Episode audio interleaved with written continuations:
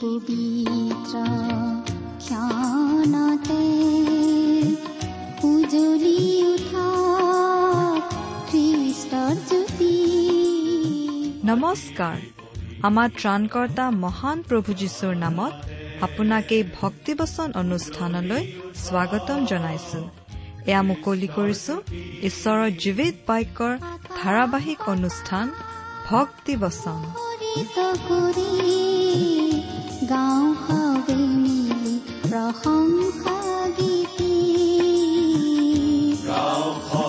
মিলি প্ৰশংসা গীতি আজিৰে পবিত্ৰ ক্ষণতে উজলি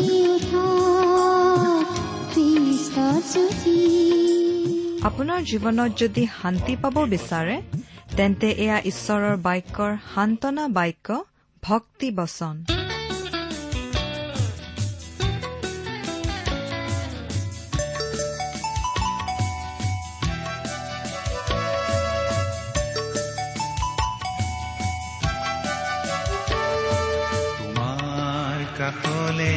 আহিছো পিতা আজি মোক জিৰণি দিয়া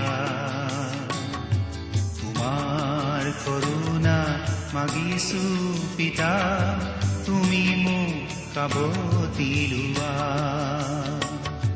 তোমাৰ কাষলে আহিছো পিতা আজি মোক জিৰণি দিয়া তোমাৰ কৰোণা মাগিছো পিতা তুমি মোক কাব দিলোৱা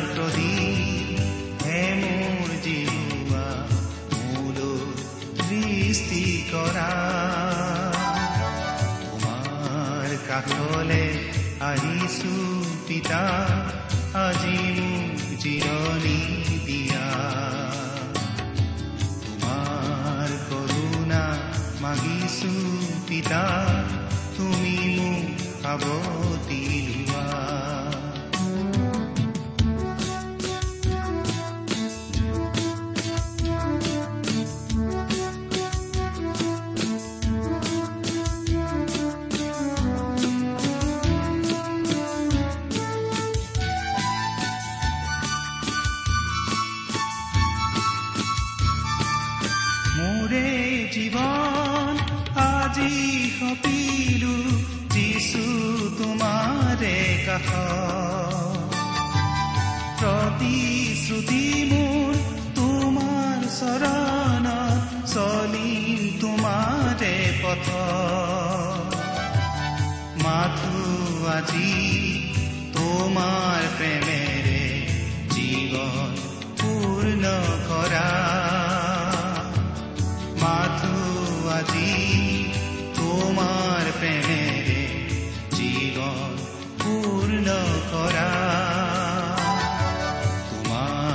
কাষলে আহিছো পিতা আজি মোক জিৰণি দিয়া। তোমাৰ কৰোণা মাগিছো পিতা তুমি মোক খাব দিলোৱা তোমাৰ কাষলে আহিছো পিতা আজি মোক জিৰণি দিয়া। কৰুণা মাগিছো পিতা তুমি মোক সাৱতি ধোৱা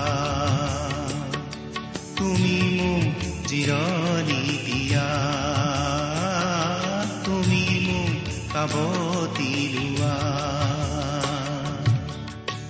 আমাৰ পৰম পবিত্ৰ প্ৰভু যীশুখ্ৰীষ্টৰ নামত নমস্কাৰ প্ৰিয় শ্ৰোতা। আশা কৰো পৰম পিতা পৰমেশ্বৰৰ মহান অনুগ্ৰহত আপুনি ভালে কুশলে আছে। প্ৰিয় শ্ৰোতা আপুনি বাৰু আমাৰ এই ভক্তিবচন অনুষ্ঠানটো শুনি কেনে পাইছে? আমালৈ চিঠি পত্ৰ লিখি মাজে সময়ে জনাইছেনে? অনুগ্ৰহ কৰি আজি এই দুষাৰিমান আমালৈ লিখি পঠিয়াবচোন। আমাৰ ঠিকনা বোধ কৰো আপোনাৰ মনত আছে তথাপি আকৌ এবাৰ কৈ দিছো।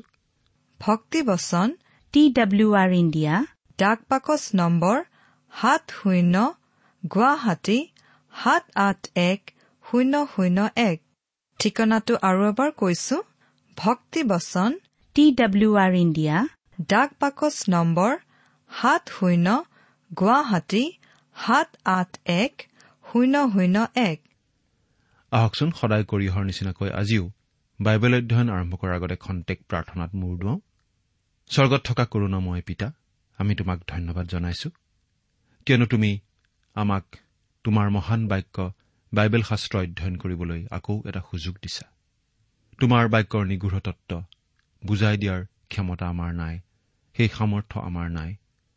তোমাৰ বাক্য তুমিয়েই আমাক বুজাই দিয়া তোমাৰ স্পষ্ট মাত আমাক শুনিবলৈ দিয়া। আমাৰ মৰমৰ শ্ৰোতাসকলক উপচি পৰাকৈ তুমি আশীৰ্বাদ কৰা। কিয়নো এই প্ৰাৰ্থনা আমাৰ মহান ত্ৰাণকৰ্তা মৃত্যুঞ্জয়ী প্ৰভু যীশুখ্ৰীষ্টৰ নামত আগবঢ়াইছো। আমেন।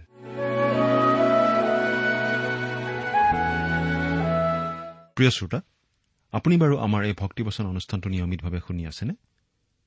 আমি বাৰু এতিয়া বাইবেলৰ কোনখন পুস্তকৰ অধ্যয়ন চলাই আছো আপোনাৰ মনত আছেনে?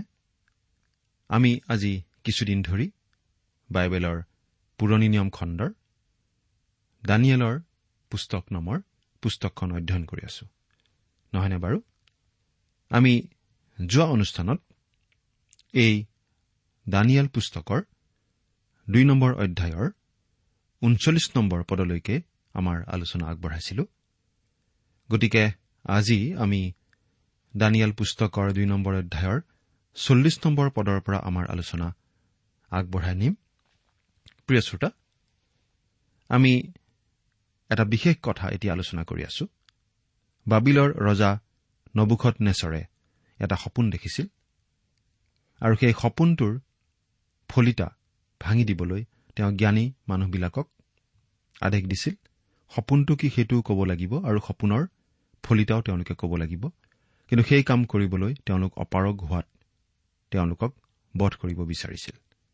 কিন্তু দানিয়েলে সেই সপোনৰ ফলিতা কবলৈ ৰজাৰ পৰা সময় বিচাৰিছিল আৰু তেওঁৰ বন্ধু তিনিজনৰ সৈতে প্ৰাৰ্থনা কৰাত ঈশ্বৰে দানিয়েলক সেই সপোনটোও জনাইছিল আৰু সপোনৰ ফলিতাও জনাই দিছিল। আৰু দানিয়েলে নবুখত নেচৰ ৰজাক সেই সপোনৰ বিষয়ে কৈ আছিল।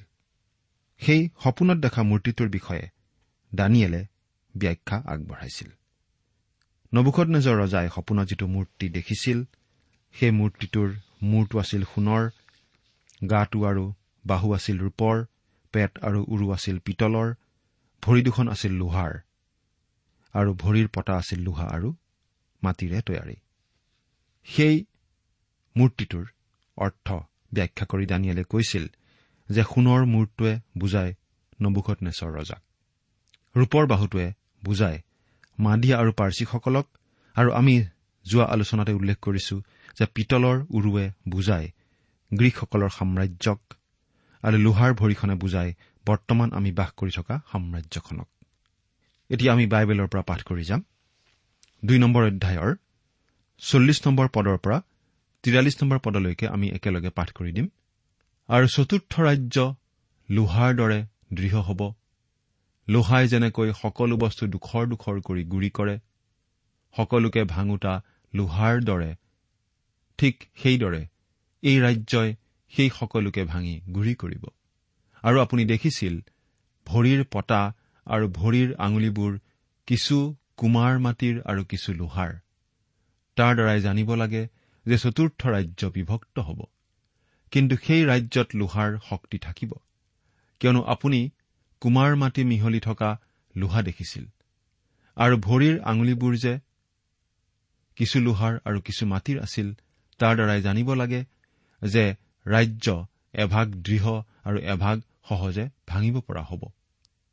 আৰু আপুনি যে কুমাৰ মাটিৰে মিহলি হোৱা লোহা দেখিছিল তাৰ দ্বাৰাই জানিব লাগে যে সেই ৰাজ্যৰ লোকবিলাকৰ মাজত পৰস্পৰৰ বিবাহৰ সম্বন্ধ থাকিব। কিন্তু যেনেকৈ লোহা মাটিৰ লগত লাগি নাথাকে তেনেকৈ তেওঁবিলাক পৰস্পৰে লাগি নাথাকিব। এইটো শাস্ত্ৰৰ এটা অতি গুৰুত্বপূৰ্ণ অংশ। আন তিনিখন সাম্ৰাজ্যতকৈ এই চতুৰ্থ সাম্ৰাজ্যখনত অধিক গুৰুত্ব দিয়া হৈছে। প্ৰথম তিনিখন সাম্ৰাজ্য একেলগে যিমান তাতকৈ চতুৰ্থ সাম্ৰাজ্যখনক অকলেই বেছি দৃষ্টি দিয়া হৈছে। এই চতুৰ্থ সাম্ৰাজ্যৰ কথা ব্যাখ্যা কৰিবলৈ আৰু বৰ্ণনা কৰিবলৈ দানিয়েলে চাৰিটা পদ ব্যৱহাৰ কৰিছে। আনহাতে দ্বিতীয় আৰু তৃতীয় সাম্ৰাজ্য বুজাবলৈ অৰ্থাৎ মাডিয়া পাৰ্চী আৰু গ্ৰীক মাকিডনিয়া সাম্ৰাজ্য বুজাবলৈ মাত্ৰ এটা পদ অৰ্থাৎ ঊনচল্লিছ নম্বৰ পদটো ব্যৱহাৰ কৰা হৈছে। এই চতুৰ্থ সাম্ৰাজ্যখন হৈছে শেষকালৰ সাম্ৰাজ্য। দানিয়েলে নবুখত নেচৰক এই কথা জনাই দিছিল যে সেই মূৰ্তিটোৰ কাৰণ এয়েই আছিল। ঈশ্বৰে মূৰ্তিপূজক নেচৰক এই মূৰ্তিটোৰ যোগেদি কথা কৈছে আৰু তেওঁ শেষকালত কি হ'ব সেই কথা মূৰ্তিটোৰ যোগেদি নবুখত নেচৰ ৰজাক জনাই দিছে। তেওঁ এজন বিশ্বশাসক আছিল আৰু তেওঁৰ সাম্ৰাজ্যখনৰ শেষত গৈ কি হ'ব সেই বিষয়ে জনাৰ কৌতূহল উপজিছিল। প্ৰিয় শ্ৰোতা আজি আমি আচলতে এই শেষৰ কালৰ সময়ছোৱাতেই বাস কৰি আছো আৰু আজিও মানুহৰ একেই প্ৰশ্ন কত কেনেকৈ শেষ হ'ব? এই জগতখনৰ কি ঘটিব? আমি কিছু সময় থিৰে থাকি এই মূৰ্তিটোকেই আকৌ এবাৰ চোৱা উচিত। মূৰ্তিটো আছিল অতি বিশাল। মনত বিশেষ ভয়ৰ ভাৱ যোগোৱা আমি ভাবো নবুখত নেচৰ ৰজাই যেতিয়া সপোনত এই মূৰ্তিটো দেখিছিল। তেতিয়া এই মূৰ্তিটো গোটেই বাবিল উপত্যকাৰ ওপৰত ছাঁ দি ধৰিছিল। ই আছিল এটা বিভিন্ন ধাতুৰে নিৰ্মিত মূৰ্তি।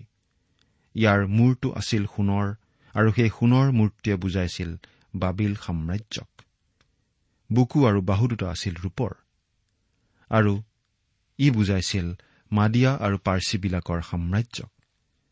পিতলৰ উৰুৱে বুজায় গ্ৰীক মাকিদনীয়া সাম্ৰাজ্য। ভৰিকেইখন আছিল লোহাৰ অৰ্থাৎ ৰোমৰ সাম্ৰাজ্য। আৰু ভৰিৰ পতাত লোহাৰ মাজে মাজে মাটি সুমুৱাই দিয়া আছিল আৰু এয়ে হৈছে ৰোমান সাম্ৰাজ্যৰ শেষ অৱস্থাৰ চিন। সেই মূৰ্তিটোৱে প্ৰতিনিধিত্ব কৰে চাৰিখন সাম্ৰাজ্যক আৰু সেইকেইখনৰ বিষয়ে মন কৰিবলগীয়া অনেক কথা আছে। এখনৰ পাছত আনখন সাম্ৰাজ্যলৈ যেতিয়া আমি নামি আহোঁ তেতিয়া দেশ দেশকৈ আমি অৱনতিৰ ছবি এখন দেখা পাওঁ। আৰু এই কথাটো বিভিন্ন প্ৰকাৰে অতি স্পষ্টভাৱে ঈশ্বৰে আমাক জনাই দিছে। এই অৱনতি আৰু অৱক্ষয়ৰ ধাৰণাটো আধুনিক দৰ্শন আৰু মতবাদৰ বিপৰীত। আজিৰ মানুহৰ ধাৰণা এইয়ে যে আমি দিনে দিনে উন্নতি কৰি গৈ আছো। বিৱৰ্তনৰ প্ৰক্ৰিয়া চলি আছে আৰু আমি সদায় ঊৰ্ধমুখী আমি ভাবো যে আমি আজি শ্ৰেষ্ঠ পদ্ধতিৰ শাসনৰ তলত আছো আৰু আমি অতি উন্নত মানুহ। কিন্তু এই দুয়োটা কথাৰ এটাও সত্য নহয়। মানৱ জাতিয়ে সদায় নিজেই নিজক পিঠিত থপৰিয়াই থপৰিয়াই প্ৰশংসা কৰিবলৈহে ভাল পায়। কিন্তু আমি ইয়াত পাইছো এখন সাম্ৰাজ্যৰ পৰা আনখন সাম্ৰাজ্যলৈ ক্ৰমে অৱনতি ঘটাৰ কথা। আগৰখনৰ তুলনাত পাছৰখন হীন। এই কথাটো সেই মূৰ্তিটোৰ যোগেদি বহু ধৰণে প্ৰকাশ পাই উঠিছে। ধাতুবিলাকৰ গুণাগুণ আৰু মূল্যৰ যোগেদি এই কথাটো প্ৰকাশ পাইছে। সোণ ৰূপতকৈ শুদ্ধ ৰূপ পিতলতকৈ শুদ্ধ পিতল লোটকৈ শুদ্ধ আৰু লো বোকাতকৈ উন্নত। অৰ্থাৎ দেশ দেশকৈ এটা অৱনতিৰ চিন আমি দেখো মূৰৰ পৰা ভৰিলৈকে। দ্বিতীয়তে ধাতুবিলাকৰ আপেক্ষিক গুৰুত্ব।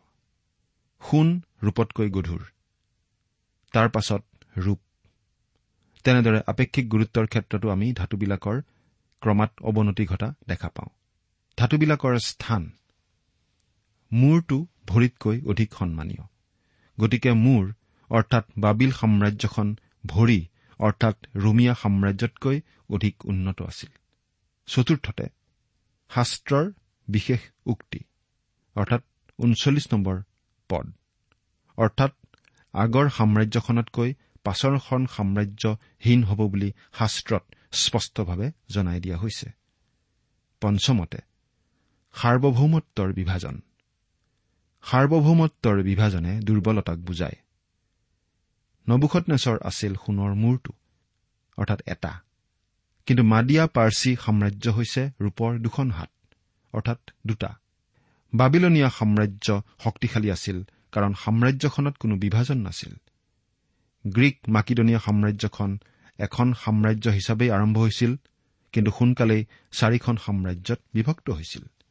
ৰোমৰ দুখন ভৰি লোহাৰ কিন্তু অৱশেষত গৈ সি দহোটা আঙুলিত ভাগ হৈছে লো আৰু বোকাৰে নিৰ্মিত।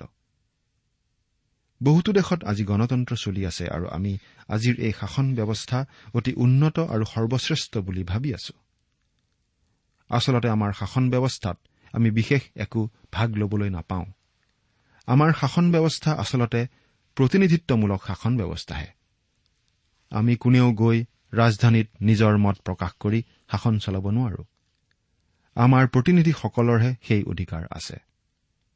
গতিকে বহুতো মানুহে আজি অনুভৱ কৰিব ধৰিছে যে এই তথাকথিত উন্নত শাসন ব্যৱস্থাও আচলতে একো উন্নত নহয়। ইয়াতো বহুতো খুট আছে। কিন্তু ঈশ্বৰে যি শাসন ব্যৱস্থা প্ৰৱৰ্তন কৰিব সেয়া হ'ব ঠিক সেই সোণৰ মূৰটোৰ নিচিনা।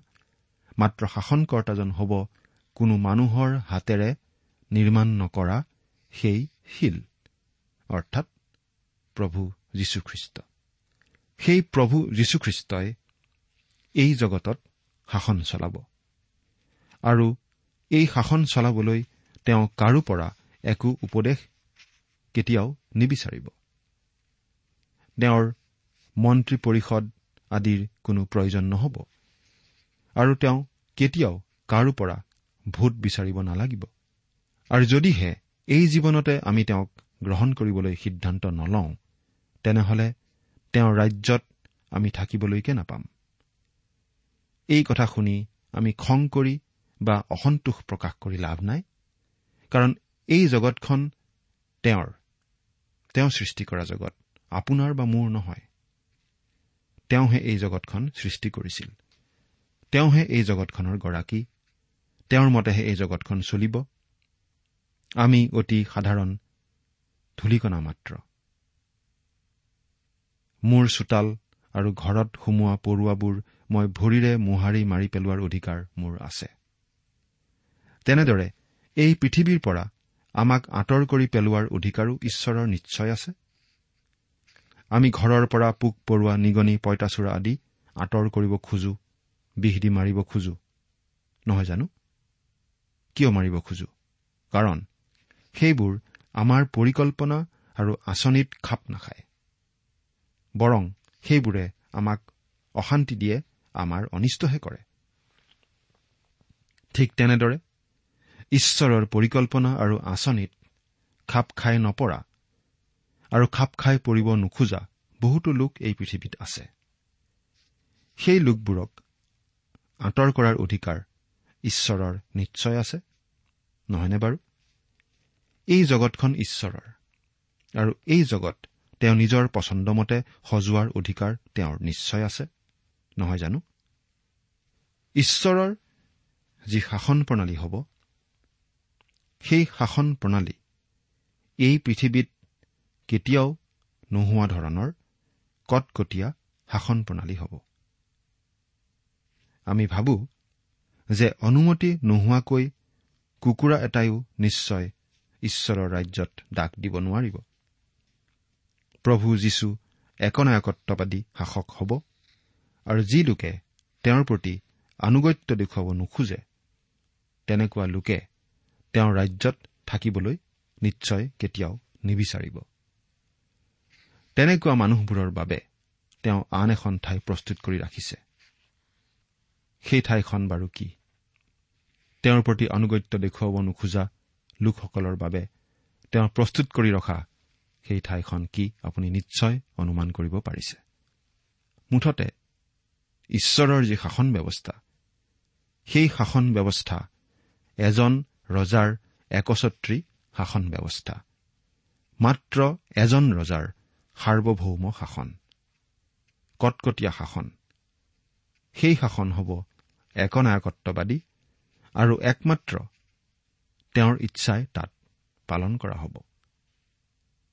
গতিকে তেওঁৰ আগত মূৰ্ণত কৰা তেওঁৰ বাধ্য হোৱা তেওঁৰ ইচ্ছা পালন কৰাৰ অভ্যাস কৰাটো এতিয়াৰ পৰাই ভাল নহয়নে বাৰু? যিহেতু তেওঁ এই পৃথিৱীৰ শাসনভাৰ এদিন ল'বই। গতিকে এতিয়াৰ পৰাই তেওঁৰ বাধ্য হৈ চলি তেওঁৰ ৰাজ্যত তেওঁৰ বাধ্য হৈ চলাৰ অভ্যাস কৰাটো ভাল নহয়নে বাৰু? আৰু অধিক আগবাঢ়ি যোৱাৰ আগতে আমি এটা কথা মন কৰা উচিত। ৰোমিয়া লোকসকলৰ পাছত আৰু কোনো শক্তিশালী শাসক নাই বুলি বুজোৱা হৈছে এই দৰ্শনটোৰ যোগেদি। অৰ্থাৎ এই বিশেষ দৰ্শনটোত এইটো কথা বুজাই দিয়া হৈছে যে সেই ৰোমিয়াসকলৰ সাম্ৰাজ্যখনেই শেষ বিশ্ব সাম্ৰাজ্য আৰু শেষকালত এই ৰোমিয়া সাম্ৰাজ্যখনৰ অৱশিষ্ট থাকিব। অৰ্থাৎ যদি সেই শেষ সময়লৈকে এই ৰোমিয়া সাম্ৰাজ্যখনৰ অৱশিষ্ট থাকিব তেতিয়াহ'লে এই সাম্ৰাজ্যখনৰ অৱশিষ্ট এতিয়াও নিশ্চয় আছে। অৰ্থাৎ সেই সাম্ৰাজ্যখন এতিয়াও নিশ্চয় জীয়াই আছে। আগৰ তিনিওখন সাম্ৰাজ্য বাহিৰা শত্ৰুৰ আক্ৰমণত ধ্বংস হৈছিল। মাদিয়া পাৰ্চীসকলে ধ্বংস কৰিছিল বাবিলনীয়া সাম্ৰাজ্য। আৰু মাদিয়া পাৰ্চীসকলৰ সাম্ৰাজ্য ধ্বংস কৰিছিল তৃতীয়খন সাম্ৰাজ্য অৰ্থাৎ গ্ৰীক মাকিদনীয়া সাম্ৰাজ্যই। কিন্তু কোনো শত্ৰুৱে কেতিয়াও আক্ৰমণ কৰি ৰোম ধ্বংস কৰা নাই। ৰোমান সাম্ৰাজ্য শত্ৰুৱে ধ্বংস কৰা নাই। কিন্তু এই সাম্ৰাজ্য নিজেই জহি খহি গ'ল। আজি এই ৰোমান সাম্ৰাজ্য কিন্তু জীয়াই আছে। ইউৰোপৰ শক্তিশালী ৰাষ্ট্ৰবিলাকৰ মাজত উত্তৰ আফ্ৰিকাৰো দুই এখন ৰাজ্যৰ মাজত। ৰোমৰ আইন ব্যৱস্থা আজিও জীয়াই আছে আৰু আচলতে সেইমতেই পৃথিৱীখন আজি চলি আছে। সেই ৰোমান সাম্ৰাজ্যৰ ভাষাও বৰ্তি আছে। আজি লেটিন ভাষা কোনেও নকয় যদিও স্পেনীয় ফ্ৰান্স আদি বিভিন্ন ভাষা বুজিবলৈ এই ভাষা জনা দৰকাৰ। ৰোমান সাম্ৰাজ্যৰ যুদ্ধংদেহী মনোভাৱটোও চলি আছে। ইউৰোপতেই চলা দুখন মহাসমৰেই তাৰ প্ৰমাণ নহয়নে বাৰু? কিন্তু আজি ইউৰোপত এটা পৰিৱৰ্তন আহিব ধৰিছে। আমি এই কথাটো বিশেষভাৱে মন কৰা উচিত। আজি তাৰ মানুহবোৰৰ মাজত এটা বিশেষ ধৰণৰ একতাৰ ভাৱ আহিছে। আৰু সেইবাবে বহুতো লোকে আজি ক'ব খোজে যে পুৰণি ৰোমান সাম্ৰাজ্যই আকৌ মূৰ দাঙি উঠিব। মূৰ দাঙি উঠাৰ লক্ষণ বহুতো মানুহে আজি দেখিছে। বাইবেলতো আচলতে এই বুলিয়েই জনাই দিয়া হৈছে যে পুৰণি ৰোমান সাম্ৰাজ্য আকৌ মূৰ দাঙি উঠিব আকৌ দেখা দিব। এজন ব্যক্তিৰ নেতৃত্বত এই প্ৰাচীন ৰোমান সাম্ৰাজ্যই আকৌ মূৰ দাঙি উঠিব। এজন ব্যক্তিয়ে সেই ৰোমান সাম্ৰাজ্য পুনৰ সংগঠিত কৰিব। সেই ব্যক্তিজননো কোন সেই ব্যক্তিজনক বাইবেলত পাপ পুৰুষ অৰ্থাৎ খ্ৰীষ্টাৰী বুলি কোৱা হৈছে। যদিও পুৰণি ৰোমান সাম্ৰাজ্যত আজি বিশেষ এটা একতাৰ ভাৱ গঢ়ি উঠিব ধৰিছে তথাপি ৰোমান সাম্ৰাজ্যখন আকৌ মূৰ দাঙি উঠা বুলি আমি ক'ব নোৱাৰো। ৰোমান সাম্ৰাজ্য মূৰ দাঙি উঠিব সেই পাপ পুৰুষৰ নেতৃত্বত কিন্তু সেই সকলো ঘটিব ঈশ্বৰে নিৰ্ধাৰণ কৰি থোৱা সময়তহে। সেই বিশেষ সময়তহে সেই পাপ পুৰুষৰ আৱিৰ্ভাৱ হ'ব। যিহেতু সেই পাপ পুৰুষ ছয়তানৰ প্ৰতিনিধি গতিকে ঈশ্বৰে নিজৰ লোকসকলক আমন্ত্ৰণ জনোৱা শেষ নোহোৱা পৰ্যন্ত সেই পাপ পুৰুষৰ আৱিৰ্ভাৱ হবলৈ নিদিয়ে। সেই বিশেষ সময় আহিবৰ উপক্ৰম হলে ঈশ্বৰে এই পৃথিৱীৰ পৰা তেওঁৰ বিশ্বাসী লোকসকলক অৰ্থাৎ খ্ৰীষ্টীয় মণ্ডলীক উত্তোলিত কৰি লৈ যাব। এই পৃথিৱীৰ পৰা উঠাই লৈ যাব। তেতিয়াহে সেই পাপ পুৰুষৰ নেতৃত্বত ৰোমান সাম্ৰাজ্যই মূৰ দাঙি উঠিব। ঈশ্বৰে তেওঁৰ আঁচনি মতে আজি কাম কৰি আছে। দেখাত তেনেকুৱা হয়তো আমাৰ নালাগিবও পাৰে। ঈশ্বৰে কিবা কাম কৰি থকা যেন লাগক বা নালাগক। ঈশ্বৰে যে বিশেষ আঁচনি মতে কাম কৰি আছে সেই কথা আমি বুজি পাওঁ বা নাপাওঁ কিন্তু তেওঁ নিজৰ আঁচনি মতে কাম কৰি গৈ আছে। গতিকে এজন ব্যক্তি আহি আছে যিজনে পুৰণি ৰোমান সাম্ৰাজ্যখন আকৌ গঢ়িব। আচলতে সেই সাম্ৰাজ্যখনৰ মৃত্যু ঘটা নাই। গতিকে ইয়াক পুনৰ জীয়াব লগা নহয়। কেৱল এই সাম্ৰাজ্যখন পুনৰ একগোট কৰি পুনৰ সংগঠিত কৰিব লাগিব। সেই ৰোমান সাম্ৰাজ্যখন যিহেতু নিজে নিজে ভাঙি ছিঙি গৈছিল বহুতো মানুহে এই সাম্ৰাজ্যখন আকৌ একগোট কৰি গঢ়িবলৈ চেষ্টা কৰিছিল। এই চেষ্টা চলি অহাটো আমি ইতিহাসত পাওঁ। কিন্তু মানুহে এই চেষ্টা কৰি এতিয়ালৈকে বিফল হৈছে। ইউৰোপৰ ইতিহাস পঢ়িলে। আমি এনেকুৱা বহুতো শক্তিশালী নেতা আৰু শাসকৰ নাম পাওঁ যিসকলে সেই পুৰণি ৰোমান সাম্ৰাজ্য আকৌ গঢ়িব খুজিছিল। কিন্তু তেওঁলোক কোনো সফল হ'ব পৰা নাছিল। কাৰণ সেই কাম আচলতে সেই আহিবলগীয়া খ্ৰীষ্টাৰী সেই আহিবলগীয়া পাপ পুৰুষেহে কৰিব। সেই খ্ৰীষ্টাৰী এতিয়াও অহা নাই। আচলতে ঈশ্বৰৰ কৰিবলগীয়া কাম এতিয়াও চলি আছে। আৰু সেই খ্ৰীষ্টাৰী অহাৰ সময় এতিয়াও হোৱা নাই। প্ৰিয় শ্ৰোতা সেই খ্ৰীষ্টাৰী অহাৰ সময় যেতিয়া হ'ব তাৰ আগে আগে এই পৃথিৱীৰ পৰা খ্ৰীষ্টীয় বিশ্বাসী লোকসকলক উঠাই লৈ যোৱা হ'ব আৰু আহিবলগীয়া মহাক্লেশৰ পৰা এনেদৰে খ্ৰীষ্টীয় মণ্ডলীক ৰক্ষা কৰা হ'ব। যিদিনা এই পৃথিৱীৰ পৰা খ্ৰীষ্টীয় মণ্ডলীক উঠাই লৈ যোৱা হ'ব বিশ্বাসীসকলক উঠাই লৈ যোৱা হ'ব সেইদিনা আপুনি বাৰু ক'ত থাকিব? এই কথাটোকে অলপ চিন্তা কৰি চাওকচোন। ঈশ্বৰে আপোনাক আশীৰ্বাদ কৰক। আমেন।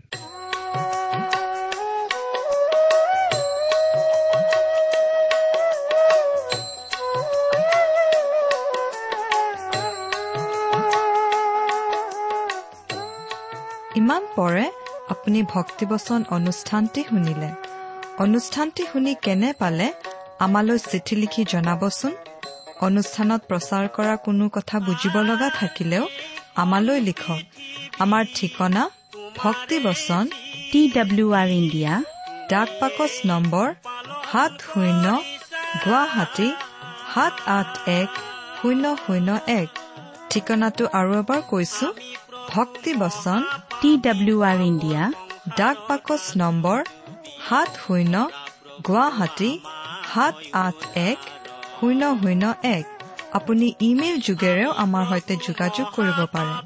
আমাৰ ইমেইল আইডিটো হৈছে Assamese T TV at radio' eight eight two dot com আইডিটো আকৌ এবাৰ কৈছো। Assamese T TV at radio' eight eight two dot com আপুনি টেলিফোনৰ মাধ্যমেৰেও আমাক যোগাযোগ কৰিব পাৰে। আমাৰ টেলিফোন নম্বৰটো হৈছে শূন্য তিনি ছয় এক দুই ছয় শূন্য চাৰি ছয় সাত এক। ফোন নম্বৰটো আকৌ এবাৰ কৈছো zero' three six one two six zero' four six seven one. আজিৰ অনুষ্ঠানটি ইমানতে সামৰিছো। ঈশ্বৰৰ শান্তি আৰু অনুগ্ৰহ আপোনাৰ লগত থাকক। ধন্যবাদ।